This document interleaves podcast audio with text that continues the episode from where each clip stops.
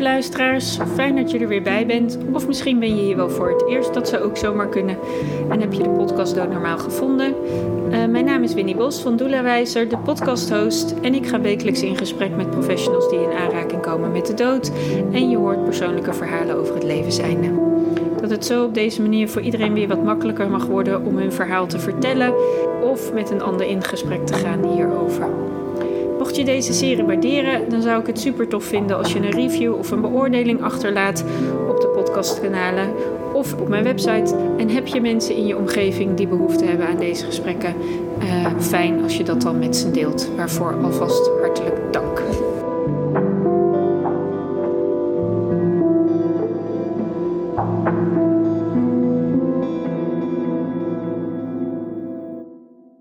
Ik zit vandaag aan tafel met Hiske Gelman.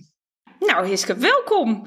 Het is Dankjewel. Het is eigenlijk een wonder dat wij, ons, dat wij elkaar niet kennen. Wij zitten allebei een beetje in hetzelfde uh, uh, veld van werk. Uh, en toen kwamen we elkaar tegen bij Devoted. Nou, dat, dat triggerde mij wel eigenlijk. Ik dacht, oh, interessant, wat gek dat ik jou niet ken. Nou, we hebben even kort kennis gemaakt daar. Uh, daarna telefonisch dat nog even gedaan. En toen voelde ik heel erg, uh, er is een verhaal, weer een verhaal voor deze podcast die de wereld mag horen. En jij zei daar ja tegen. En nou zitten we hier ja. Om, om dat verhaal de wereld in te brengen. En, ja, heel leuk. Ja, leuk dat, ik, dat je me hebt uitgenodigd. En kijk er naar uit. Ja, nou, we gaan gewoon op reis en we gaan zien waar het heen gaat. Dus um, vertel, wat, um, wat is jouw verhaal? Ja, wat is mijn verhaal? Um, ja, ik denk dat, dat het, het, het begonnen is bij het verliezen van mijn zoontje. Zeven jaar geleden, ruim zeven jaar geleden. Uh, Hugo. Hugo is geboren na een voldragen zwangerschap van 41 weken. En uh, ja, daar wees eigenlijk helemaal niks op dat dat, uh, dat, dat niet goed zou gaan. We, ik had een goede zwangerschap, goede echo's. En ja, we zaten gewoon te wachten totdat we onze baby mee naar huis konden nemen. Maar uh, ja, dat ging helemaal, dat liep helemaal anders. En volledig onverwacht werd hij ja, stil geboren, zoals dat mooi gezegd wordt. Maar ja, hij overleed tijdens de bevalling.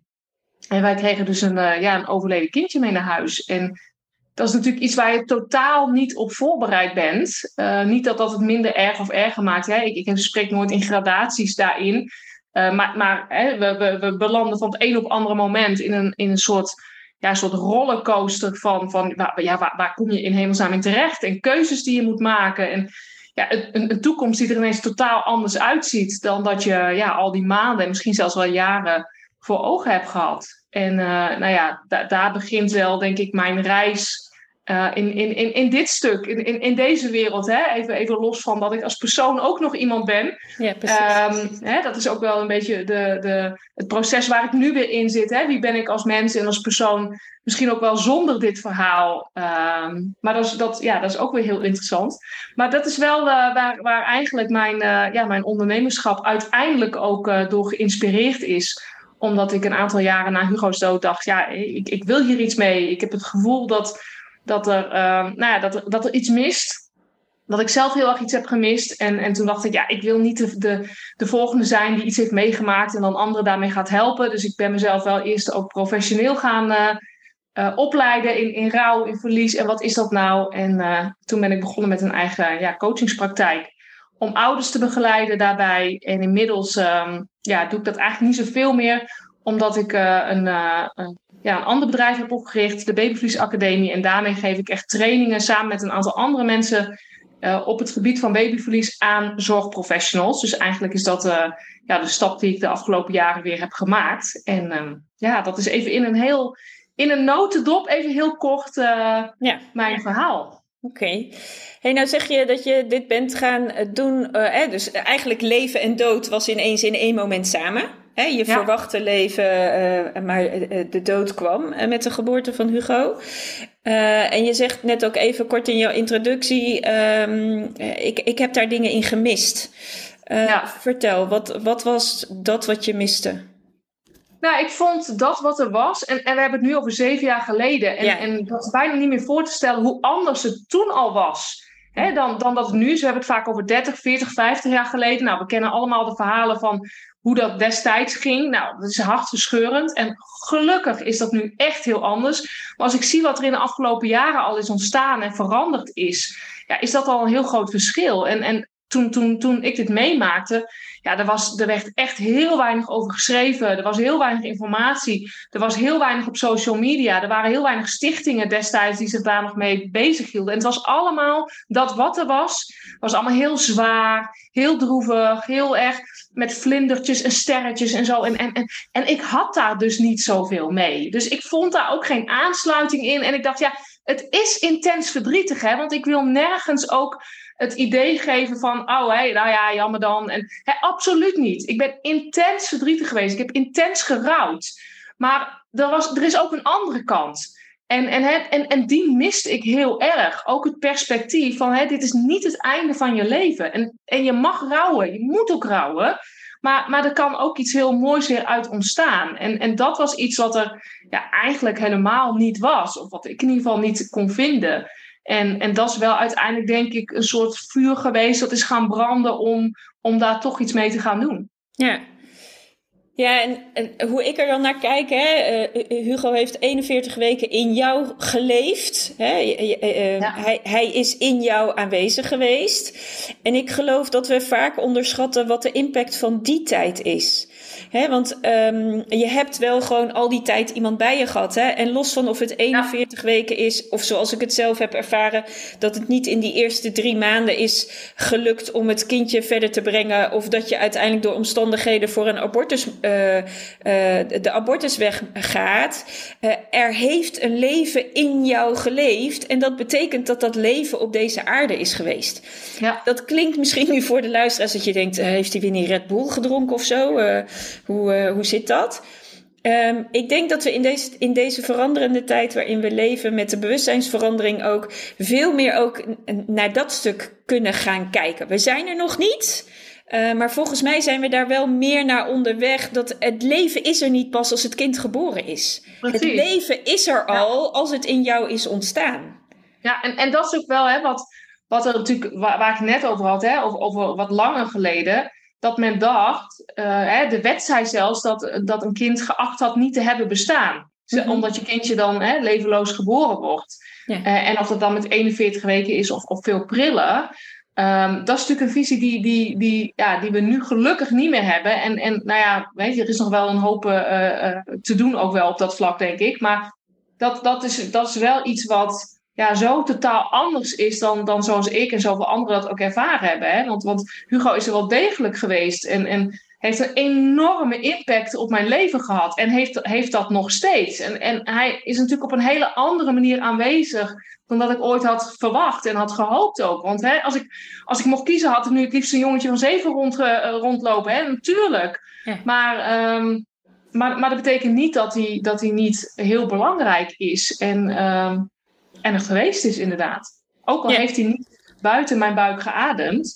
Ik had wel uh, uh, ja, ik had een, een, kind van acht pond in mijn armen. Ja, dat, dat, hoezo geacht hebben niet bestaan? Hoezo? Ja, ja het ziet er gewoon uit als een, als een mens. Ja, ja, ja. ja. En, en ik, heb, ik heb nog twee miskramen gehad. Uh, dus hè, brilleren verliezen.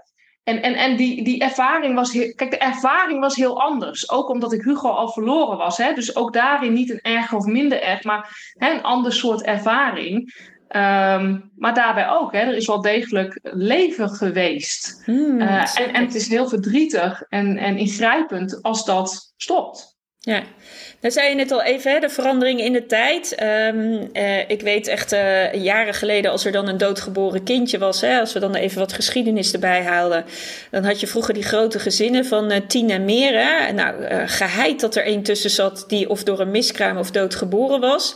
En dan was eigenlijk de gewoonte toen der tijd, dan bestond dat kind eigenlijk niet en dan kreeg de eerstvolgende dezelfde naam. Ja. ja. ik bedoel, dat, dat, dat, dat, is volgens mij voor niemand uh, een gek gegeven. Althans, voor degenen die uit die generatie komen van wat langer geleden. Nou. Ik las laatst dat. Uh, uh, sorry, ik onderbreek je. Ik nee, je geeft helemaal niks. Ga, ik las laatst dat ergens, ik weet niet meer wat het was. Annie M.G. Smit, natuurlijk bij iedereen bekend, dat zij de derde Annie M.G. is, omdat er al twee voor haar waren geweest. die dus overleden zijn. Ja, ik, ik, ik weet niet meer waar ik het vandaan heb, maar, maar ik hmm. moest eraan denken toen jij dit zei. Ja. Ja, nee, ja, dit is geen raar gegeven. Ik bedoel, dit gebeurde gewoon heel veel. Kijk, als je.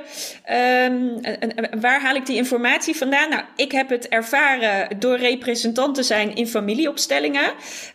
Um, ik kan heel goed voelen. Dus ik, eh, een vriendin van mij doet familieopstellingen. Die zei dan: Hey, Win, kom je weer? Want uh, we hebben niet genoeg representanten. Nou, dan kwam ik weer. Nou, hoe vaak ik niet voor het doodgeboren kindje of de miskraam op de grond heb gelegen. Of heb lopen.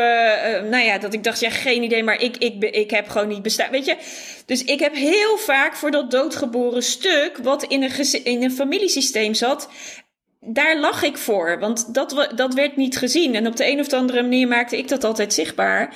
En ik ben, ik, ik, op een gegeven moment gebeurde dat zo vaak dat ik dacht: Jezus, Mina, dat is echt een heel veel voorkomend. En ook helemaal niet gekke, want het is een hele normale natuur. Dat soms een kind gewoon geen leven krijgt. Nou, ondertussen zijn we jaren verder. Is dat verhaal met de volgende dezelfde naam geven, wel gaandeweg de tijd vertrokken. Ik geloof niet dat dat echt een hele bewuste keuze van ouders is geweest. Maar ik denk ook van de verandering van tijd in bewustwording dat we dachten, ja, maar dat klopt toch eigenlijk niet? Want dat was hij of zij of hè, wie dat dan ook was. En dit is weer een nieuw leven. Nou, ondertussen zijn we natuurlijk uh, even een hele grote sprong in de tijd. Heeft Roos Slikker zich heel hard gemaakt voor, ja, maar dit zijn gewoon mensen die hebben bestaan. Waarom laten we die niet registreren? Nou, en zelfs dat gegeven is bij veel ouders uh, niet zichtbaar. En wat dan ook nog eens heel erg meespeelt, hè, want jij had het over stilgeboren, je hebt prilgeboren. Nou, er zijn allerlei namen die daarvoor in de wereld zijn gezet.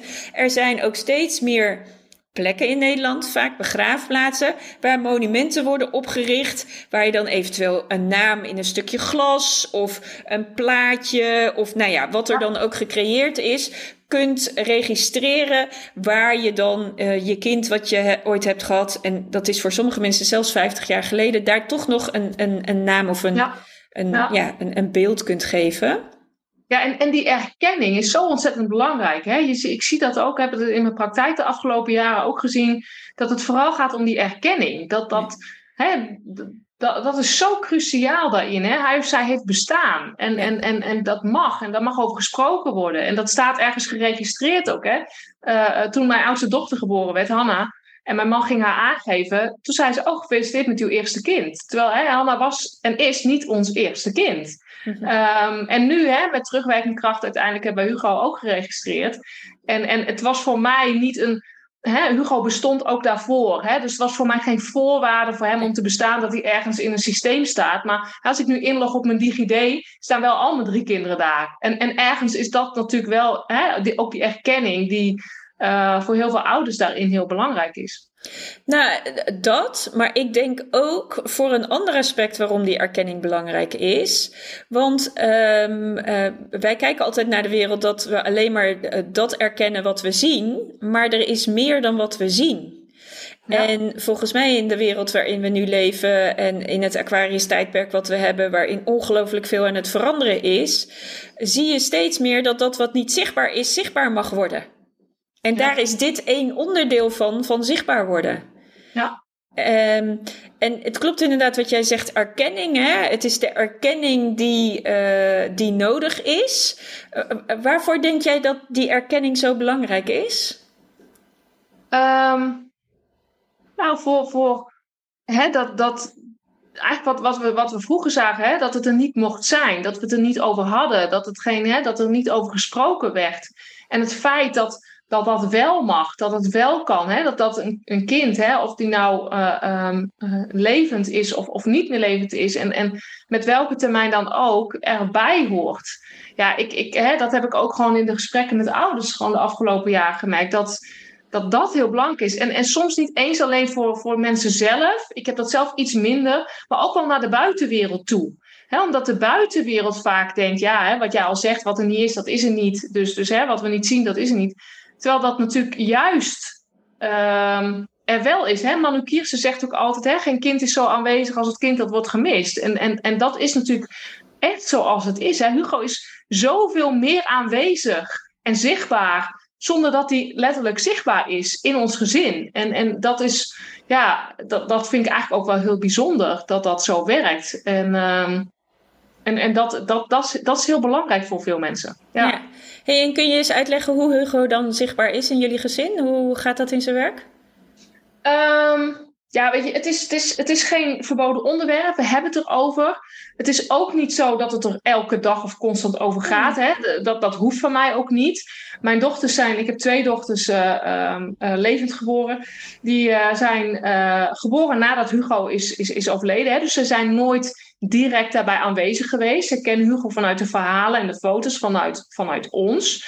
Dus zij hebben daar ook niet zelf een primair verdriet over. Hè? Dus mijn, mijn dochter zei een keer: Mama, daar ben ik verdrietig over. En toen ging ik daarover met haar gesprek. En nou, daar was ze zelf eigenlijk niet verdrietig over, maar meer voor ons dan, hè? Mhm. plaatsvervangend bijna. Dus ze praten erover. Mijn dochters zijn nu op de leeftijd dat ze vriendenboekjes invullen. Heb je broers en zussen? Dus ik vul dat samen met ze in, want ze kunnen nog niet echt schrijven.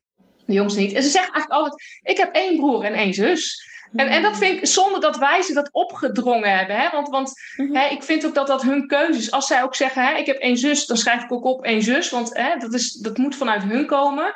Ehm, maar dat vind ik wel heel mooi. En, en, en ik, hij is op gevoelsniveau.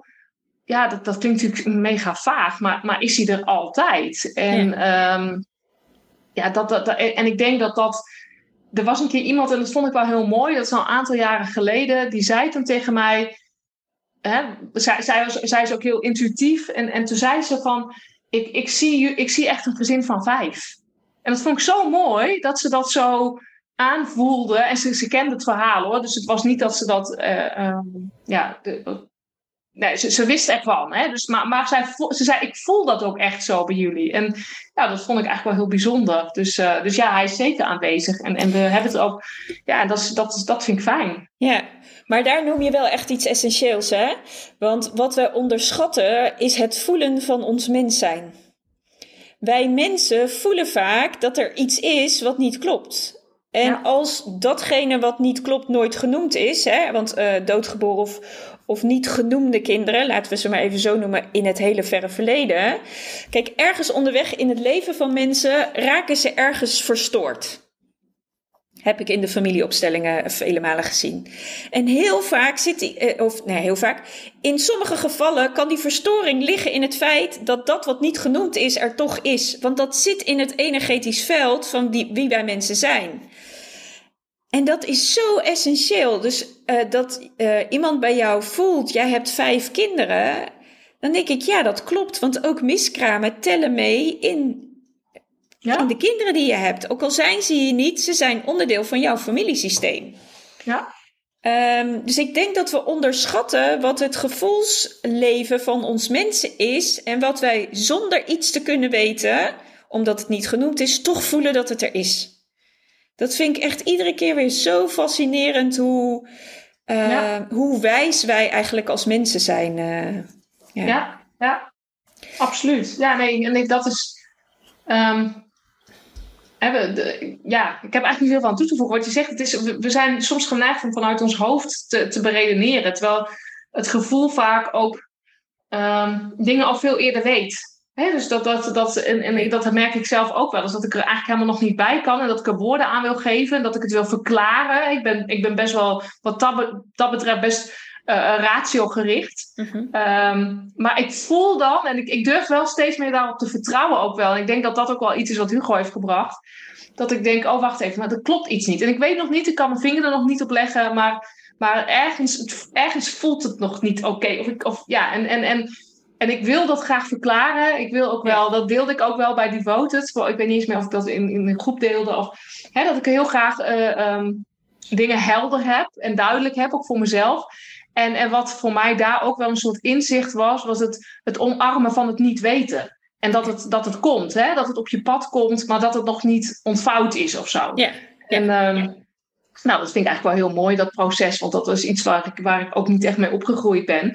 Uh, ik kom uit Friesland. Um, oh, ja. En uh, ik heb een redelijke, ja, nuchtere uh, opvoeding wat dat betreft ook gehad. ja, en, en, en, en, en dit is iets wat echt later pas ontwikkeld is. Ja. Ja. Maar ik vind het wel mooi wat je zegt, dat stuk niet weten. Hè? Uh, want ik hoor dan ook wel eens, uh, als ik mijn verhaal vertel, mensen zeggen ja, maar dat aangeven dat hoeft voor mij echt niet. Ik zeg nee, dat kan nu niet hoeven, Maar dat kan zomaar in de toekomst wel echt een wens zijn. En een, en een nood, misschien zelfs wel een noodzakelijkheid, weet je? Um, iets wat, nu niet, uh, wat je nu niet weet, kan in de toekomst veranderen. En je kunt de, de, de toekomst kun je gewoon niet plannen. Die ontstaat. En dat niet weten, ja, dat is, hè, we, we zijn natuurlijk een heel erg hoofdgerelateerd volk alles willen we verklaren, we willen het bedenken, we willen het rationaliseren. Ik ken dat heel goed, want ik ben een enorm hoofdmens geweest. Dus ik moest alles, uh, nou ja, bijna in drievoud verklaren. Nou, nu denk ik dat hoofd, man, zet het uit. Het zit alleen maar in de weg. Uh, er, is, er is, zit een hele mooie schoonheid in het niet weten. Ja. maar dat vinden we heel lastig om ons daar lastig. over te geven. En dat vind ik nog steeds heel lastig hoor, zal ik eerlijk zeggen. Ja, maar we zijn toch ook gewoon mensen. Ik bedoel, we hoeven niet perfect te zijn. Ik bedoel, ik, mijn hoofd neemt het ook nog wel eens van me over. En dan denk ik, uh, oh, wacht even, daar gaat hij weer. Ho, ho, wacht even, terug. Nee, nee, ja, fijn, dank je hoofd, fijn dat je er bent, leuk. Ik weet weer, ik, oh ja, jij bestaat ook. Nee, dankjewel, ik heb je nu niet nodig. Weet je, dat is ook gewoon een oefening. En dat blijft het hele leven, blijft dat. Je, weet je, het heeft ook een kundigheid dat hoofd. Wat af en toe heel fijn is om het in te zetten. Maar soms het is het af en toe heel fijn. En, en, en ik, ik heb het af en toe ook heel, heel erg nodig. Hè? Want ik, ik geloof ook niet dat we, ja, dat, daar zijn de meningen over verdeeld, dat we alleen op flow en op energie en op, op, op gevoel kunnen leven. Tenminste, zo werkt het bij mij in ieder geval niet. Ik heb dat hoofd ook echt nodig. Maar het gaat meer om het vinden van, van de juiste balans daarin. Ja, zeker, zeker. Hey, nou zei je eerder al in het gesprek, uh, zeven jaar geleden, dat je Hugo verloor. En in de tussentijd tussen zeven jaar en nu is er ook al heel veel veranderd. Kun je iets meer zeggen over hoe het zeven jaar geleden ging met Hugo? En um, wat je nu ziet in, in, in de tijd waarin we ons nu begeven? Ja, kijk, kijk toen Hugo overleed, uh, hadden wij een uitvaartverzorgster. Nou, we, we, we, er was, daar, hè, nu zijn daar mensen ook in gespecialiseerd. We werden daar totaal niet op gewezen. Dat was ook helemaal nog niet algemeen bekend. er was eigenlijk nog heel weinig kennis ook over het, het welkom heten, het hechten. Juist ook hè, het belang van, van dat soort dingen. Het, gaat, ging toen wel heel erg over het afscheid. Je moet goed afscheid nemen, maar er zit nog zoveel voor. Wat heel erg belangrijk is. Ik heb Hugo nooit naakt gezien. Dus ik heb hem nooit uh, bloot tegen me aangehad. Dus, dus hè, dat is echt iets waarvan ik nu denk: maar waarom niet? Waarom heeft niemand tegen me gezegd: kleed die baby uit en leg die bij de moeder? Dat is het eerste wat ik nu zou doen. Um, weet je, Hugo werd opgebaard op, op een koeling die helemaal niet geschikt was voor baby's, waardoor die compleet bevroren was. Oh ja. Nou, dat is natuurlijk iets wat je gewoon niet wil. En dat hoeft dus ook niet. Hè? Ik had mm. toevallig gisteravond met mijn man over balseming. En, en mijn man zit niet in dit wereldje, die doet iets heel anders. En die had er nog nooit van gehoord. Die zei, oh, is dat mogelijk dan? Uh, ik weet het natuurlijk omdat het mijn werk inmiddels is. Uh, maar nooit iemand die ons dat op dat moment ook heeft verteld. En, en zo zijn er gewoon heel veel van dat soort kleine dingetjes... waarvan ik nu denk, goh, als het, als het me nu zou overkomen... zou ik een aantal dingen echt anders doen. En ik kijk niet met een vervelend gevoel erop terug. Absoluut niet. Hè? Want we hebben destijds alles gedaan in onze macht. Alles waarvan toen bekend was bij ons wat we konden doen. Uh, maar maar hè, ik, ik, ik zie wel een hoop verbeteringen nu uh, uh, al, al ten opzichte van toen. En wat ik zei ook in, in, in stichtingen. In, nou, uiteindelijk ben ik zelf een magazine gestart, Hugo Magazine, omdat hè, de ouders van nu en allemaal bedrijven daar niet echt aan wilden. Ja, weet je, dat, dat, dat is wel ontzettend steunend dat dat soort dingen er nu zijn. En, en dat was er toen allemaal niet. Dus, dus dat is wel iets wat. Um, ja, wat echt wel een groot verschil is. Ja, nou begin jij gelijk al in je verhaal als ik de vraag stel bij het afscheid nemen en de uitvaartonderneming. Maar ik ben nou zo nieuwsgierig hoe de mensen bij, die bij de bevalling uh, aanwezig waren, hoe dat voor hun was. Was heel heftig. Um, sowieso omdat ja, wij gingen uiteindelijk. Ik had, uh, mijn vliezen zijn gebroken en de bevalling kwam niet uit zichzelf op gang. Dus ik ben twee dagen later ingeleid, omdat ik toen 48 uur gebroken vliezen had. En dan heb je kans op infectie. Nou, die inleiding dat was heel heftig, want ik kreeg een weeënstorm. Dat duurde ontzettend lang. Ik kreeg een ruggenprik, kwamen de weeën gewoon doorheen. Dus het was, die bevalling was echt een hel. Laat ik dat vooropstellen. Maar dat was wel nog steeds met het uitgangspunt. Hè, straks hebben we een baby in onze armen. Dus hè, we hebben het, het is allemaal voor het goede doel. Mhm. Ehm, uiteindelijk uh, moest ik persen. Nou, dat duurde ook heel lang. Een baby kwam niet uit zichzelf. Vacuumpomp, lukte niet. Dus toen werd het een spoedkeizersnee. En zelfs op dat moment gingen we naar de OK met het idee, we gaan hem halen en dan komt het allemaal goed. Hè? Dus er was ook niet paniek in de zin van, nou, hè, het gaat helemaal niet goed. Hij moest er wel uit, uiteraard, hè? want we zaten wel op het punt dat dat niet al te lang kon duren. Maar ik ben ook niet onder volledige narcose gegaan. Ik heb gewoon een ruggenprik gehad, wat ook nog eventjes duurde. Dus hè, daaruit blijkt ook wel dat iedereen ervan uitging, nou, hè, we gaan hem halen en dan hebben we een gezonde baby. Dus toen Hugo uit mijn buik getild werd en hij al blauw was, ja, iedereen dacht echt van wat, hè, hoe kan dit? Wat is hier gebeurd? En hè, dus ik voelde ook, hè, ook daarbij gevoel, want er was niemand die zei, goh, het gaat niet goed met je baby. Eh, geen woord over gezegd. Maar ik voelde van, hé, hey, dit, ze namen hem mee, er kwamen achteren bij en er gebeurde van alles. En ik dacht, oh, maar wat, oh, dit, dit, ik hoorde jij niet huilen. Jij werd niet, er werd niks tegen je verteld? Nee, niet, niet op dat, nee. Nee, eigenlijk niet. En, en ik kan natuurlijk ook niet alles één op één terughalen. Hè? Want ik was hmm. en onder... Ik had een ruggenprik gehad al twee keer. En ik had al een dag weeën. Dus, het was, hmm. dus, dus mijn herinnering is niet 100% accuraat. Maar ik weet nog wel dat ik op een gegeven moment aan de anesthesist vroeg. Die stond bij mijn hoofd. Dat was degene die dichtst bij was. Vroeg ik, het gaat niet goed hè? En toen zei hij ook, nee, het gaat niet goed. En hij was eigenlijk de eerste die dat ook letterlijk uitsprak. Uh, en ik denk wel dat er, dat hè, dat weet ik niet meer, maar er zijn vast mensen bij ons geweest hebben, hè, we, zijn met hem bezig of hè, zoiets. Dat is vast gebeurd, maar dat, dat kan ik me niet meer herinneren. Maar het was wel het gevoel wat overheerste, dit gaat niet goed. En toen hoorde ik ze tellen en toen dacht ik, nee, dit is echt niet oké. Ze, ze zijn aan het reanimeren, dit gaat helemaal verkeerd. En ik was, terwijl ik daar lag, al aan het bedenken, oh, dan moet ik dadelijk mijn ouders bellen. Oh, hoe gaan we dit vertellen? Hoe, ik was eigenlijk al een stap verder in mijn hoofd ook daar. Hè. Dan nam mijn hoofd nam het ook echt over. Omdat het gevoelsmatig te groot en te veel was om bijna binnen te laten komen. Hoe gaan we dit doen? En ik weet ook nog dat, um, dat, dat heb ik van familie dan gehoord, dat de kinderarts vloekend op de gang stond. Hoe dit in hemelsnaam had kunnen gebeuren. Wat, wat is hier in, in, in hemelsnaam misgegaan? Dit kan helemaal niet. Dit was een gezonde baby. Dus, dus er was ook heel veel ja, bijna ongeloof, een boosheid. En ja, van, van, van wat, wat, wat is dit? En ik weet dat iedereen ook echt van slag was. En, en met tranen in de ogen bij ons als een gynaecoloog, verloskundige, iedereen. Want iedereen dacht, wat, wat is dit? Dit kan niet. En, en dat, dat was wel, um, ja, dat was, het was heel bizar. Het was heel onwerkelijk ook. Want, want ja, je krijgt dan je baby in je arm en dan half uur reanimeren. En, en, en hij ziet eruit alsof hij slaapt.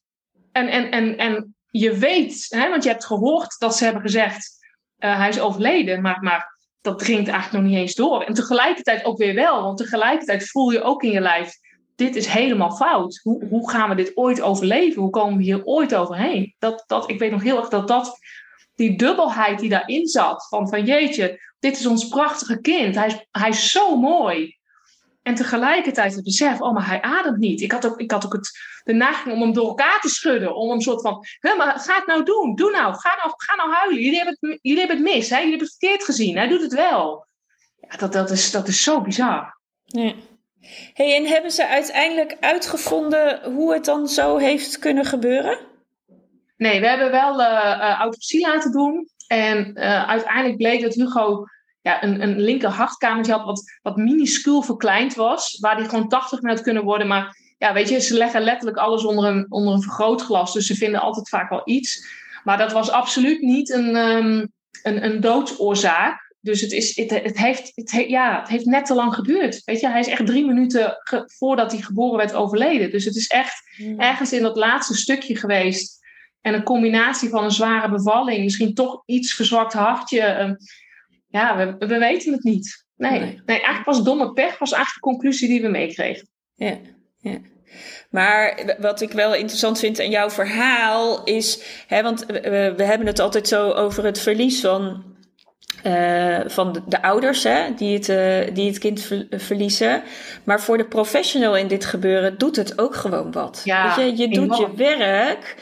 En, uh, maar er is ook nog natuur. Hè? Er is ook nog het menselijk lichaam. En die kan ook gewoon nog steeds dingen doen waar jij als professional, of je nou gynaecoloog bent of verloskundige, of wat je rol dan ook is bij zo'n bevalling, je dus ook een, een, ja, een, ja, ik noem maar even een percentage, dat klinkt zo zakelijk, maar een deel is waar je gewoon geen invloed op hebt. Maar soms wel met de meest vreselijk, of ja, vreselijk, ja, toch wel vreselijke gevolgen. Want ja, dit is natuurlijk niet wat je wil. maar dit is wel iets wat kan gebeuren. En, ja, ik weet ook nog heel goed dat er uh, nadat Hugo overleed, waren er meerdere mensen in onze omgeving die, die oprecht vroegen: gaan jullie nu het ziekenhuis aanklagen? En dat wij dachten, het ziekenhuis aanklagen. Ja, nee, ja, hier was toch in een ziekenhuis. Die hadden toch moeten zorgen dat dit niet kan gebeuren. En wij hebben dat gevoel gelukkig ook allebei, hè, ook, ook mijn man niet, nooit gehad. Hè, want we hebben altijd idee gehad, er staat niemand ochtends op met het idee, nou, hè, laat me nu eens vandaag, eh, doe ik eens wat minder hard mijn best. Hè. Iedereen heeft echt zo hard zijn best gedaan, zo hard gevochten voor Hugo's leven dat, ik, dat, dat, dat, dat dat idee niet eens in me op was gekomen om daar ook maar. Weet je, het enige wat ik hoop is dat in een vergelijkbare situatie er misschien eerder een keizersnee wordt gedaan, er, er, eerder wordt ingegrepen. En, en dat is ook wel wat ze terug hebben gegeven. Dat ze nog steeds aan Hugo denken, dat Hugo nog steeds voor hun ook die betekenis heeft. Als er een vergelijkbare situatie is, zover willen we niet laten komen. En, en dat is het enige wat ik hoop dat ze meenemen. Maar ja, nee, ik heb dat, dat, het was voor hun, weet je, niet, het is anders hè, als ouders of als zorgverlener, maar de, de machteloosheid en, en het, ja, dat, dat was zo voelbaar ook. En, en, en dat vond ik ook wel heel intens om dat te voelen. Ook, ook bij, hè, bij ons gynaecoloog, bij de verloskundigen die erbij waren. Dat was ook voor hun heel intens. Hmm. Het maakte heel veel indruk. Ja, maar ik vind het wel interessant dat dan de wereld om je heen gelijk denkt in represailles. Ja. Nou, daar moeten we dan maar eens even flink uh, de bloed onder de nagels vandaan gaan halen. En uh, naar die vinger wijzen naar www, kijk eens wat jullie allemaal gedaan hebben. Weet je, ik, ken, ik heb natuurlijk de afgelopen jaren zo ontzettend veel ouders gesproken. Ik ken echt letterlijk honderden verhalen. En er zijn situaties waarin hè, ouders, moeders het val aan de bel trekken. Hè. Het voelt niet goed. Ik voel, en dan wordt er gezegd, oh, hè, ga maar met een kruik op bed liggen. Hè. Dan wordt dat gevoel genegeerd, waar we het eerder over hadden. Mm. En daar denk ik wel, hè, daar mag je zorgverlener wel sneller aan een bel trekken. Als een moeder zegt, ik kan, er, ik kan mijn vinger er niet op leggen, het is niet op een echo te zien, maar het voelt ergens niet oké. En hoe vaak ik dat niet terug heb gehoord... En, en dat, dat wil niet zeggen dat die mensen aangeklaagd moeten worden. Hè? Absoluut niet maar wel in, in hè, neem dat serieus. Neem, neem dat soort voorgevoelens hè, en, en, en die connectie tussen moeder en kind, die is zo sterk. Er zijn zoveel verhalen waarbij inderdaad, hè, waarbij ik achteraf hoor, hè, ik had, ik, ik voelde al vanaf het begin van het iets niet goed was. Maar, maar hè, de, en, en, en dat, daar hoop ik wel dat, um, dat niet alles, wat je ook al zegt, niet alles is verklaarbaar. Niet alles is te zien op een echo of op een CTG. Of, maar soms is dat gevoel gewoon echt heel sterk. Maar daar noem je ook denk ik wel echt het meest essentiële van het geheel. Hè? Kijk, er, er is de medische wetenschap, er is de deskundigheid van de gynaecoloog en de verloskundige, maar de zwangere vrouw is ook deskundig. Want er is niemand anders die zijn lijf zo goed kent als jij als vrouw. En of het nou je eerste, je tweede of je derde zwangerschap is, het gevoel wat naar boven komt, wat een soort signaal geeft, ook al kan je het geen woorden geven en dat je denkt, het is hè, je vinger erop leggen, het is precies dat. Ik denk dat de essentie daarvan zo groot is dat we dat altijd mogen opvolgen. Want in 9 van de 10 gevallen klopt het als een bus. Want ik ja. ken ook de verhalen hè, van heel veel vrienden en om me heen die kinderen hebben gekregen, die ook allerlei voorgevoelens hadden. En weet je, als je dan de verhalen terug hoort, dan denk ik iedere keer weer: het was gewoon hartstikke waar. Het klopte als een bus. Ja. En het zou zo mooi zijn dat we niet het onderscheid gaan zien van, ja, maar hè, wij professionals weten het. Nee, je bent samen op reis en je weet het samen. Dat is volgens mij waar het heel erg over gaat. En ik denk dat dat ook wel een van de redenen is waarom die geboortedoula, hè, want dat is ook een professional die de laatste jaren ook wat meer aan het opkomen is, dat die ook wat meer in de wereld van uh, geboorte is, uh, zichtbaar is geworden. Ja. Omdat dat stukje dus niet zoveel gehoord wordt, hè, dat gevoelsmatige, niet zo wordt meegenomen door de verloskundige en de gynaecoloog. En geen verwijt, hè? Ik bedoel, nee, want we zijn dus ook wisselend, hè? Want er zijn ook echt wel mensen die dat wel heel erg. Dus, dus, dus ik, ik wil nooit daar ook een soort aanklacht van maken. ik ook niet. Maar, dat is wel iets wat ik, wat ik gewoon terughoor. En, um, en, en waar, waarin dat soort dingen soms niet serieus geworden, genomen zijn. En, en dat, en, en daar denk ik dan wel van, ja, dat vind, dat vind ik dan wel een gemiste kans. En dan snap ik ook, en dat merk ik ook, dat er nog een soort tweede rouwproces op gang komt. Hè? Dan heb je niet alleen het verlies van, het, van je kind, maar ook het verlies van het niet gehoord zijn. Het gevoel mhm. hebben dat, daar zit een schuldgevoel soms ook wat mhm. veel groter is. Van, waarom heb ik niet naar mijn gevoel geluisterd? Waarom heb ik niet nog een keer aan de bel getrokken? Waarom is er niet naar me geluisterd? En dat is een heel ander rouwproces eigenlijk dan hè, alleen dat verlies van het kind. En, en ik ben heel dankbaar en heel blij dat ik daar eigenlijk nooit zo in heb gezeten. Hè? Wel naar mezelf toe.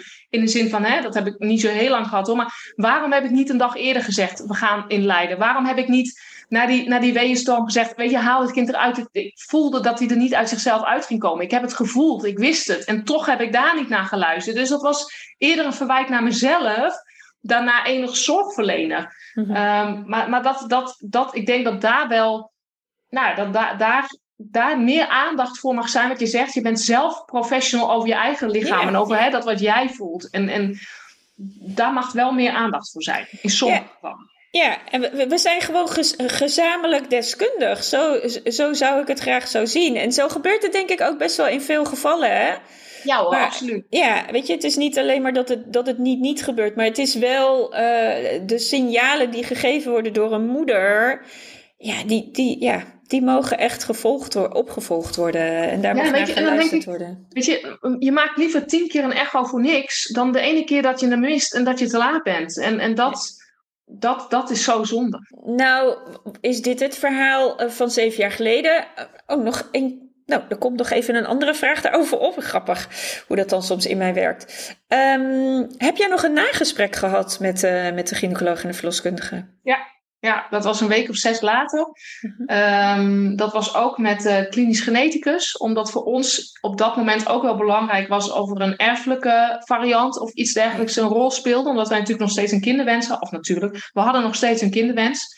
Uh, dus voor ons was het was niet zo heel erg zeer belangrijk in de zin dat het iets voor Hugo zou veranderen, hè, want we zouden ons kind niet meer terugkrijgen, maar wel ook naar de toekomst toe. Van is er iets hè, in, in, in in hem of in mij, of hè, waar, waar, iets, waar we iets mee kunnen of moeten.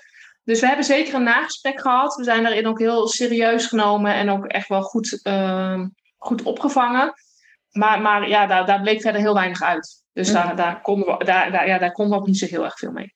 Nee, maar ik kan me voorstellen dat je wel even zo, zo'n moment waarin alles een beetje gezakt is. En nou ja, gezakt is na zes weken nog lang niet. Maar wel even zo'n moment hebt dat je met elkaar weer even samen kunt zijn. Want in zo'n moment dat dit natuurlijk gebeurt, is het ongelooflijk intens, heftig. Iedereen heeft zijn eigen emoties en nou ja, alles wat daar in zo'n moment gebeurt. En dan is het wel weer fijn om elkaar even op te zoeken en gewoon even met elkaar te zijn. En ja, weet ja, je. dat is ontzettend belangrijk. En, hè, want wat, wat er heel vaak gebeurt is ja, je, de, de, de, de uitvaart is geweest, de kraamzak is weg. Ja, je, je staat eigenlijk nergens meer echt onder controle. Want, want ja, ik, op Hugo Magazine 1 staat ook, hè, het thema is ook, en dan is het stil. Want dan valt alles weg. Ja, eigenlijk, je valt ook niet echt meer onder de verloskundige. Dus het is zo belangrijk om juist daarna ook contact te hebben. Hè? Van, goh, hoe is het nu met jullie? Hoe hebben jullie het eigenlijk beleefd? Wat vonden jullie fijn en wat niet? Dat zijn echt wel hele belangrijke vragen om juist daarna ook te stellen. Want, want iedereen denkt dan dat dat het moeilijkste stuk is. Hè? Er was, was iemand die zei tegen mij: Oh, dat was ook de moeilijkste dag van mijn leven. Ik zei: Nou, de begrafenis aan zich was niet per se de moeilijkste dag van mijn leven. Want daarna kwamen nog veel meer dagen die misschien nog wel veel moeilijker waren. Want toen was het ineens echt letterlijk stil. Toen kwam het besef wel pas. Toen zaten we met z'n tweeën op de bank en dachten: Ja, en nu? Dus, dus hè, dat, dat proces daarna is, is juist heel intens. Hè? Want, want die week word je ook een beetje geleefd. Dat, dat, dat was dat Dus er is zoveel aandacht, er is, ook, er, is zoveel verdriet, maar ook zoveel liefde. Dat, en, en daarna denk je, ja, shit, en nu?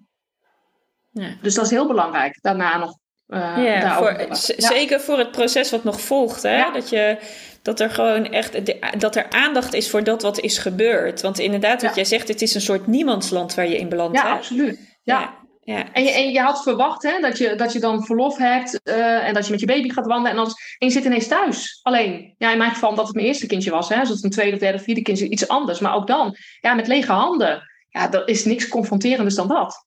Nee, nee. Nee, en dat is interessant hè, dat dat... Uh, uh, ja, dat, dat daar dan... Dat je eigenlijk gewoon in die leegte wordt gelaten. Ja. En dat het uh, alleen op jouw initiatief dat jij dan nou ja, je weg daarin kan bewandelen. Maar dat je zelf op de deuren moet kloppen om te zeggen van... goh, mag ik nog even een nagesprek? Of kan ik nog even een keer bij je langskomen? Of uh, ja, en, nog even een controle? Of... Er, is, er is wel meestal wel een nagesprek ook na zo'n bevalling. Hè? Dus, dus meestal zes weken inderdaad is er wel een... Er is dus meestal wel een afspraak. Uh, in veel gevallen wordt er vaak wel... Uh, de mogelijkheid geboden om met maatschappelijk werk in contact te komen via het ziekenhuis vaak. Uh, en soms is dat heel helpend en soms ook niet per se. Dus, dus hè, er zijn wel wat dingen, maar, maar het blijft een beetje een, uh, een grijs gebied ook van ja, bij wie moet ik eigenlijk terecht? En uiteindelijk ja, is, is je huisarts dan nog een eerste aanspraakpunt, uh, terwijl die niet per se ook altijd in dat hele proces betrokken is geweest. Nee. Nee, dan moet je weer zo'n zo'n zo'n derde die er niks mee van doen heeft betrekken. Ja. ja kan soms helpend zijn, maar soms ook helemaal niet. Ja. hey, nou zijn we zeven jaar verder. Wat, wat is er veranderd? Ja, jeetje, wat is veranderd? Er is zo ontzettend veel veranderd. Uh, bij mij, ook in, in, in de wereld. Mm-hmm. dus dus waar, waar, waar, wil, waar wil je naartoe? Nou, uh, wat, wat, wat, voel je wat het waar, waar je met het antwoord heen wil? Ik laat hem even leiden door jou. Wat, wat wil je benoemen? Uh, ja, wat, wat voor mij persoonlijk ja, is, is, het, is het een wereld van verschil. Kijk, ik zie ook, ik kijk wel eens foto's terug ook. Ik herken mezelf soms bijna niet eens meer terug. Als ik dat zie, denk ik, jeetje. Um, ik was na, na dat Hugo overleed wel ook echt, wat ik eerder ook al zei, intens verdrietig. Ik was echt wel een hoopje ellende die, die aan het zoeken was van ja, hoe, hoe vind ik mijn weg hierin? En, en hoe word ik weer gelukkig? En ik was uiteindelijk vijf maanden later weer zwanger, wat fantastisch fijn was, maar natuurlijk ook ongelooflijk spannend. En dan denken mensen ook, oh, je hebt nu een, gezonde kind, een, een gezond kind, een gezonde dochter. Dus het is nu over of klaar. En, en nee, je hebt, dat, is weer een hele nieuwe dimensie. Want ineens ervaar je dat wat je de eerste keer allemaal gemist hebt. Hè? Dus ja, dat is, dat is zo'n zoektocht en, en worsteling ook geweest. Ja, dat, dat, daar kan ik me nu, ik kan me het nog steeds wel voorstellen, maar, maar ja, mijn leven ziet er nu zo totaal anders uit. En, en Hugo is, wat ik zei, aanwezig, maar, maar niet meer op een hele verdrietige manier. Heel af en toe overvalt het me nog wel eens, maar eigenlijk niet eens heel vaak meer. Want als ik aan Hugo denk, denk ik nu eigenlijk vooral in, in liefde en in trots, in alles wat hij ook gebracht heeft. En dat is wel al heel snel ontstaan ook daarna, maar, maar dat overheerst pas, pas nu. Hè? Dat was toen echt niet. Uh, nee daar kon ik, toen, ik kon me eigenlijk ook helemaal nog geen voorstelling destijds maken van, van hoe ik er nu vandaag de dag bij zou zitten. En, en hè, wat het uiteindelijk allemaal uh, ook opgeleverd heeft. Dat is, dat is nou ja, totaal, ja. totaal andere wereld bijna. Nou ja, het heeft natuurlijk in die zin een soort fysieke, uh, uh, iets fysieks naar buiten gebracht. Is dat jij Hugo letterlijk een naam, maar ook een tijdschrift hebt gegeven. Ja. Om, ja. om ook dat wat jij niet vond in de wereld waarin we leven, voor mensen die datzelfde ervaren, gewoon ook ja, werkelijk tastbaar te maken, zeg maar. Ja, ik merkte dat ik wel heel erg behoefte had, ook toen Hugo overleed, om uh, om, om te lezen. En, en hè, dan krijg je allemaal gratis babybladen in de bus. Want met al je enthousiasme heb je met zes weken zwangerschap overal ingeschreven. En, en, en dat, dat, ging hem, dat ging over buikkrampjes en borstvoeding en dat dingen. En dat was natuurlijk helemaal niet de wereld waarin ik zat. Ik had het over, uh, over, over rouw en over verdriet. En hoe doen andere ouders dit eigenlijk? En ja, dat, dat, dat, daar was heel weinig aandacht voor. En uiteindelijk dacht ik, ja, dat moet er gewoon komen. En toen ben ik het, uh, ben ik het zelf begonnen. En dat was al wel een aantal jaren later hoor, toen ik professioneel hier ook al mee bezig was. Dus, dus en ik, ik heb, ja, er zijn inmiddels drie edities en ik heb zo ongelooflijk veel mooie reacties daarop gehad. Dat het mensen zoveel steun en troost heeft geboden. Van hè, we zijn niet alleen. Andere mensen maken het ook mee. Dat wat ik voel is normaal. Dat, dat, hè, dat, dat hoort erbij. Dat mag ook. ook. Ook die erkenning zit daar weer een stukje in. Hè? Erkenning en herkenning. Ja, dat, ja, al, alleen dat is al, uh, ja, dat, dat geeft me al zo'n. Het feit dat, dat Hugo niet alleen voor ons dat heeft gebracht, maar, maar op zoveel grotere schaal. Ja, dat kan ik bijna niet, dat kan ik bijna niet bevatten. Dat, dat, dat, dat is zoiets, uh, zoiets bijzonders. Dat, ja, dat ben ja, ik eigenlijk heel dankbaar voor. Ja, maar daarmee benoem je eigenlijk de impact van iets wat er niet is. Hè? Wat mensen dan zeggen, terwijl het er wel is. Ja. Hij is er uh, en hij heeft nog steeds tot op de dag van vandaag betekenis. Ja. en jij hebt dat dan letterlijk zichtbaar gemaakt door daar dan een tijdschrift eh, van te maken en dat te, uh, en ook naar hem te vernoemen. Maar dat, het, het toont daarmee ook dat iemand die hier is geweest, hoe kort ook, en of die nou wel of niet levend ter wereld komt, om hem maar even in een groter perspectief te pakken, altijd tot op de dag van vandaag impact kan hebben. Ja. Ja. En dat wij niet weten wat die impact is, maar dat we ervoor open mogen staan om te ervaren wat dat wat uh, nog steeds bij ons is en met ons meegaat, uh, eigenlijk uh, ons wil vertellen of ons wil brengen. Of nou ja, ja. hoe je dat dan ja. ook moet noemen. Ik, bedoel, ik herken dat heel erg zelf bij mijn eigen meiden. Ik heb drie meiden die hier niet op deze, die heel kort op deze wereld zijn geweest. Tot op de dag van vandaag hebben die betekenis voor mij. Weet ja. je, uh, hebben ze boodschappen voor mij? Sturen ze me dingen toe dat ik denk, huh, wat doe ik hier nou weer? Sta ik weer ergens waarvan ik denk, ja, geen idee. Hè, zit ik volgende week bij burgerzaken? Omdat ik aangifte heb gedaan, nou, was niet helemaal zoals je het zou, gaan zou wensen. Maar dan mag ik wel met de mensen van burgerzaken in gesprek.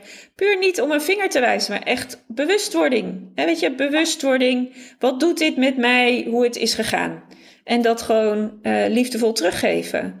Uh, want deze mensen hebben betekenis in mij. Ja. Nou ja, dat. dat. Dus het is, uh, we zijn het al eerder in het gesprek, uh, het, het is er niet, maar het heeft nog steeds, het heeft een rol in jou, het mag benoemd worden. Uh, het heeft een, Hugo heeft een naam, Hugo wordt bij naam genoemd. Hij heeft ja. zelfs, hij heeft nu dat blad. Nou, hoe prachtig dat hij tot op de dag van vandaag betekenis heeft, terwijl hij hier niet fysiek is. Ja. Maar hij is er wel. Ja, nee, hij, is heel, hij is er heel erg wel. Ja. ja. En, en, en tegelijkertijd ook zo, zonder, ja, hoe zeg ik dat nou? Zonder dat ik, dat ik daar constant ook mee bezig ben of me bewust van ben. Hè? Want ik, ik, ik ben me ook heel erg bewust, als we op vakantie zijn, zijn we een gezin van vier met twee meiden. En dat, ik heb dan ook niet de behoefte om tegen iedereen te zeggen, oh, maar ik heb eigenlijk ook nog zo'n, eigenlijk zijn met z'n drieën. En natuurlijk, hè, dat, dat is er wel, maar ik, ik ben ook wel heel realistisch in, in dat wat er wel is. En, en ik denk ik dankzij Hugo ook wel dat ik daar dus enorm van, van geniet. Hè. Ik kan intens van mijn kinderen genieten. Juist omdat ik ook weet hoe bijzonder het is. En, en hoe, hoe, ja, dat, dat, dat, zij er, dat zij er wel fysiek mogen zijn. En dat we hun mogen zien opgroeien. Ik denk dat dat, dat uh, ook samen gaat. Hè? Dus, dus dat, dat op dat bewustzijnsniveau ergens mijn andere twee kinderen dus, dus misschien nog wel... Ja, dat ik daar nog wel dankbaarder voor ben dan dat ik anders was geweest. En ik kan het niet vergelijken en ik weet niet hoe het anders was geweest. Nee, maar nee. dat is wel zoals ik het voel. Ja, snap ik wel. Maar wat eigenlijk hiermee zichtbaar wordt, is de schoonheid van wat er door wat er gebeurd is met Hugo. Dat er schoonheid zit in, ja, ik, ik noem het dan maar even in de dood. Um, maar dat er dus in dat verlies schoonheid zit. Ik denk dat ik hem zo ja. uh, mag zeggen. Ja. He, we, we, kijken altijd zo met, met inderdaad wat je eerder in het gesprek ook al zei. Met die zwaarte en met oh wat erg en wat zielig. En, uh, en dan doen we hem ook vaak nog eens weg met allerlei andere doden. Oh je kan toch nog kinderen krijgen. Dat ik denk oh wacht even hallo. Uh, ja. Zo simpel werkt het niet. Ik kan het opschrijven met dat soort opmerkingen. Oh daar ja. Ben daar ben ik ooit zelfs mee begonnen. Maar toen dacht ik nee dit is vanuit een hele negatieve hmm. insteek. En dat wil ik niet. Dus dat boek nee. is... Dat, komt ooit een boek, maar niet op die manier. Maar ik had het zelfs vorig jaar nog. Want ik, mijn, uh, uh, ik was vorig jaar nog zwanger voor de vijfde keer. En um, nou, dat wilde al heel lang. Dus het was heel erg gewenst. En ik ging naar de verloskundige en ik kwam daar aan. En ik, ik zag al en ik voelde tegelijkertijd... oh, die heeft mijn dossier net gelezen. Dus, dus het, ze de, denkbeeldig deed ze de zijde handschoentjes aan... en ging ze al op een andere toon praten... Weet je, en, en daar ben ik dus echt allergisch voor. Hè? Want, Ja, want, ja. want het was aan alle kanten duidelijk. Ik denk, als je me nou gewoon had gevraagd van... Goh, ik zie dat, hè, hoe sta je daar nu in? Hè? Weet je, want het was toen zes jaar geleden. En nog steeds werd ik met een soort kwetsbaarheid benaderd. Alsof hè, als slachtoffer in een hokje gestopt. Oh, dat is een moeder van een overleden kind. Daar moeten we heel voorzichtig mee zijn. En voor heel veel mensen is dat ook goed, hè? want, want hè, die hebben die benadering nodig. Maar dat is wel per persoon verschillend. En ik had dat niet. En ik voelde me daardoor eigenlijk juist heel erg um, ja, als een slachtoffer bijna neergezet. Terwijl ik dat zelf helemaal niet zo voel. En nou, het, het, het, het vervelende was dat ze tien minuten later moest eh, vertellen dat het hartje niet klopte van dat kindje, of niet meer. Dus ja, dat was natuurlijk daarbovenop nog. Nou, kun je nagaan, was het in een soort nou ja, verdubbelde versie uh, daarna. Maar, maar hè, het, het maakte voor mij wel heel erg duidelijk. Ik denk, oh, wacht even, dit staat in mijn dossier. En het is iets wat voor altijd dus ook blijft. Hè? Als ik dit verhaal vertel, wat jij ook zegt, hoor ik nog steeds mensen, oh, oh, wat heftig. En, en dat was het destijds ook. Hè? Want, want als ik het drie weken na het Hugo overleefd vertelde, was het mega heftig. Maar, maar nu is er een andere emotie die overheerst. En is het niet meer die heftigheid en, en dat intense verdriet. Die is er geweest, maar nu voelt het anders. En, en dan klopt dat dus niet. Nee. En, en precies wat jij ook zei zo straks, dat was mij voordat de opname start, dat de mensen zeggen, als ik dan iets deel over Hugo, bijvoorbeeld op zijn jaardag, dan deel ik vaak wel iets. En dan krijg ik van mensen veel sterkte.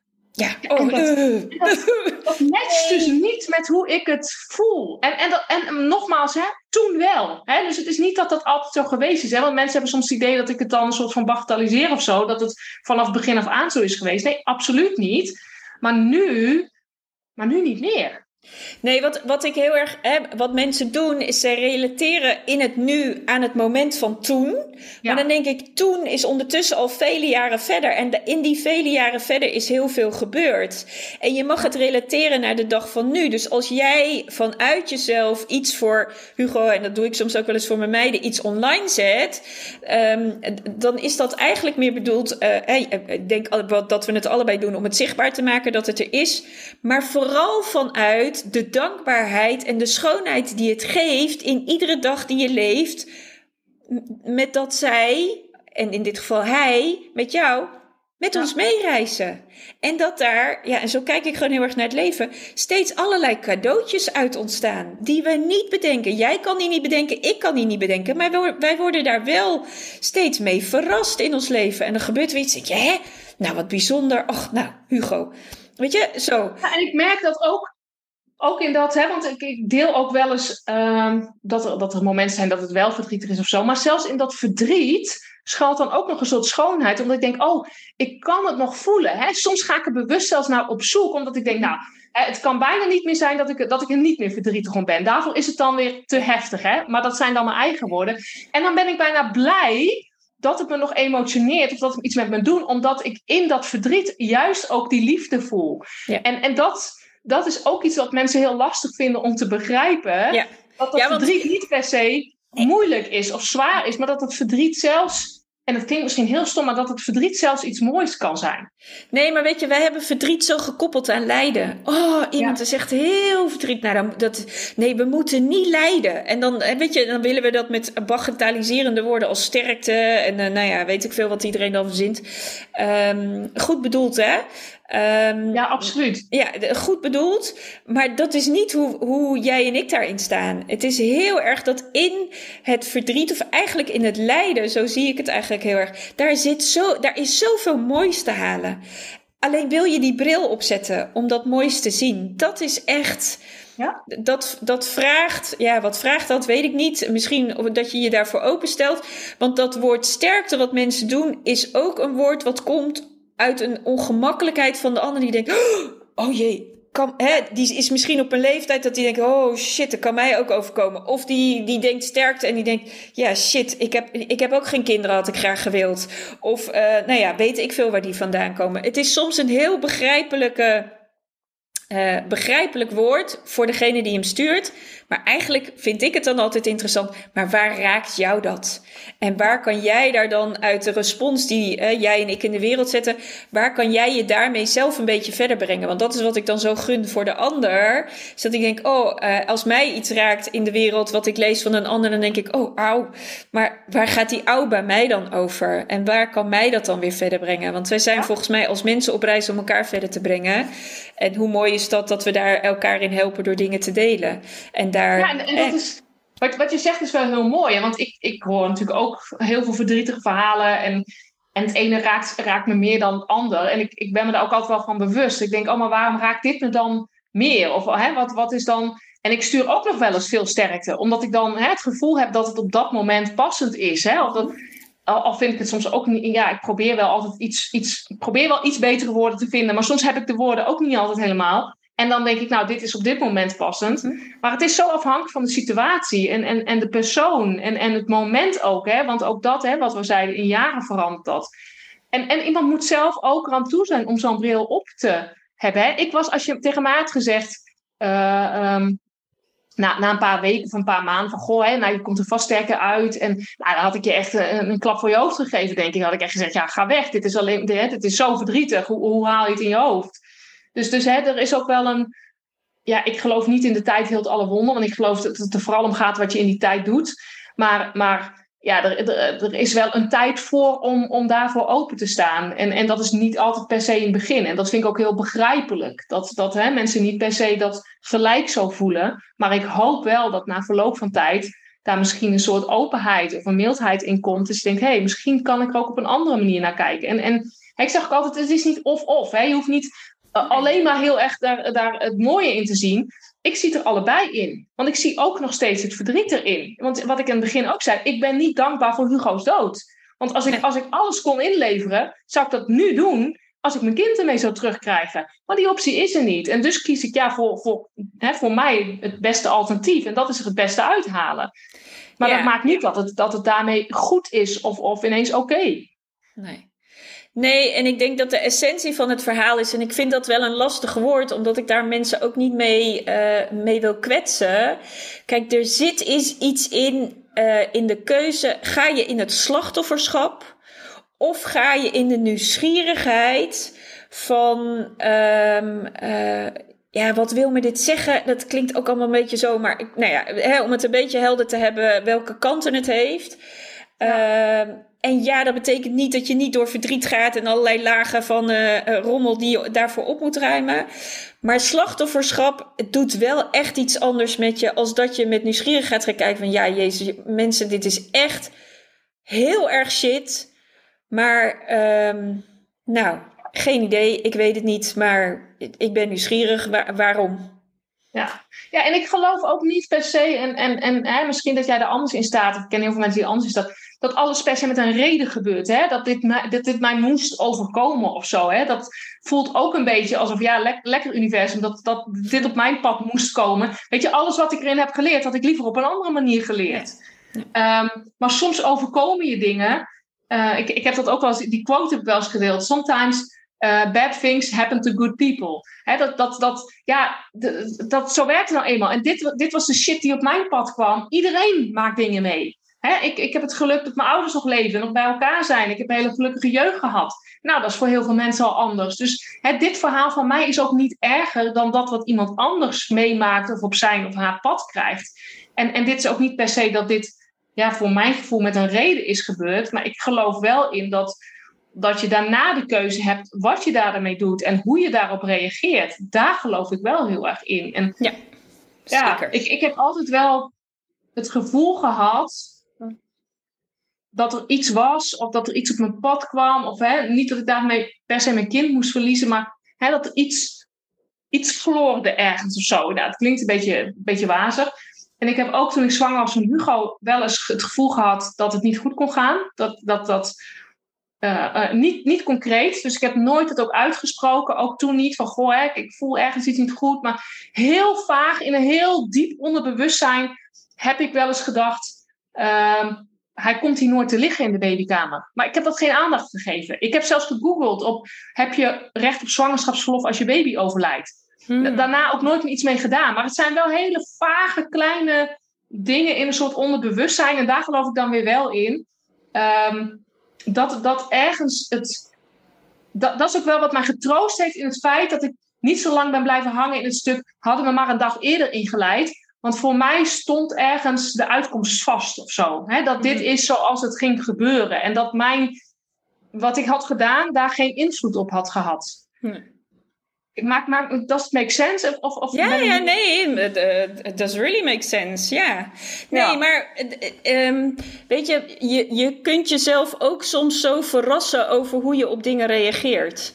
En Ja. ik denk dat de essentie van ons hele gesprek eigenlijk is, neem jezelf serieus. Ehm, vertrouw op wat je gevoel of intuïtie, welk woord voor je past. Vertrouw erop dat dat je echt iets geeft en brengt wat, wat je iets wil vertellen. Dat is, weet je, dat, dat, dat, dat zijn in ons lijf, dat hebben we. Dat is echt ongelooflijk kundig. Um, en ja, als ons iets uh, intens heftigs overkomt in het leven, en in dit geval is dat voor jou voor het verlies van Hugo, maar ik denk dat dat in zijn algemeenheid geldt voor alles wat intens is in je leven, wat je overkomt. Het gaat erom hoe jij besluit daarmee om te gaan.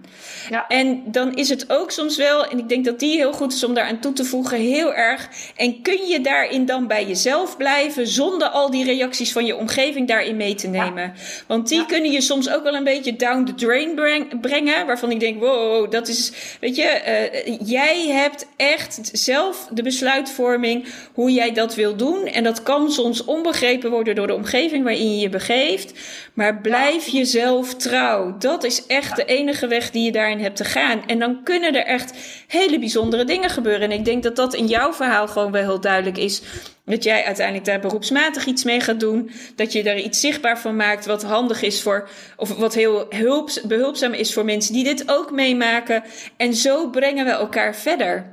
En ik denk dat we dan. En dat is ook ik vind het wel mooi wat je zegt, hè, want de omgeving vindt er van alles van. Hè, en, en, hmm. en, maar verwacht ook dat je op een bepaalde manier reageert, omdat ze ook geen idee hebben. Kijk, als iemand mij van tevoren had gezegd: je baby gaat overlijden, dan had ik ook gezegd: ja, leg mij er maar naast. Weet je, dat overleef ik niet. En, en toch blijkt, als je dat dan meemaakt, dat dat, dat het anders is. En, en dat is natuurlijk ook van de omgeving. Als die ik heb zo ontzettend veel vriendinnen en mensen om me heen die hebben ook kinderen. Als, als die zich alleen maar voorstellen van, oh, maar als die er niet geweest was, of als ik nu mijn kind zou verliezen, natuurlijk denk je dan, dat overleef ik niet. En daardoor kun je ook niet echt een voorstelling van maken hoe dat is als je daarin zit en hoe je daarop gaat reageren. En, en ja, daarin, en dat hoor ik van heel veel ouders wel terug, verrassen ze zichzelf soms ook. Dat ze ook denken van, goh, ja, ik sta er nog. En het gaat eigenlijk best wel goed, maar dat durf ik niet eens uit te spreken, omdat de omgeving van mij verwacht dat ik ongeveer nu een jaar uit de relatie ben. Want dit is het heftigste. Dit is het ergste wat je ooit kan overkomen. Heb ik ook een hekel aan die uitspraak. Want ik denk gerelateerd aan wat? Je weet het niet. Plus, plus, hè, ik kan het niet met elkaar vergelijken. Ja, het is een van, een van de hele erge dingen die je kan overkomen. Maar het betekent niet dat je voor de rest van je leven um, daardoor kwetsbaar of, of, of, of hè, niks meer kunt. Dat, dat, nee, nee maar Nee, maar weet je, dat is wel mooi. Het woord wat dan bij mij opkomt als jij dit zegt, dan denk ik, wij mensen zijn zo ongelooflijk veerkrachtig. En, en, en weet je, en, en dat vind ik ook zo mooi aan ons mens zijn. Hè? Die, die verwondering en die verrassing en die verbazing die ik iedere keer weer ook hè, hoor in verhalen. Uh, dat we dan in essentie denken, dit kunnen we niet aan of dit is te veel. En dan uh, er gebeurt wat er gebeurt. En uiteindelijk uh, ja, verrassen we onszelf en verbazen we onszelf over waar we toe in staat zijn. Maar ook uiteindelijk waar het ons brengt. Ja. En uh, ja, dat, dan denk ik, laten we met die verwondering gewoon naar onszelf kijken in het leven wat we leven. en als je daarin verwonderd jezelf wil blijven observeren en dan ook nog eens heel trouw aan jezelf wil blijven. Ja, jongens, dan ligt er toch gewoon een hele mooie toekomst voor je. En dan, uh, ja, is het heftig uh, en intens wat er soms je kan overkomen. Laten we dat uh, niet plat slaan alsof dat niks is. Maar het is wel iets wat ons ook heel erg veel schoonheid kan brengen. En ja, ja volgens mij is dat een hele mooie om hiermee af te ronden. Want volgens mij is dat ook een beetje de essentie van wat we het afgelopen, volgens mij, ja, uren hebben, hebben besproken. Ja. ja. ja. Dank je wel voor je verhaal. Dank je wel uh, dat ik het uh, mocht delen hier. Ja, nou, heel graag gedaan.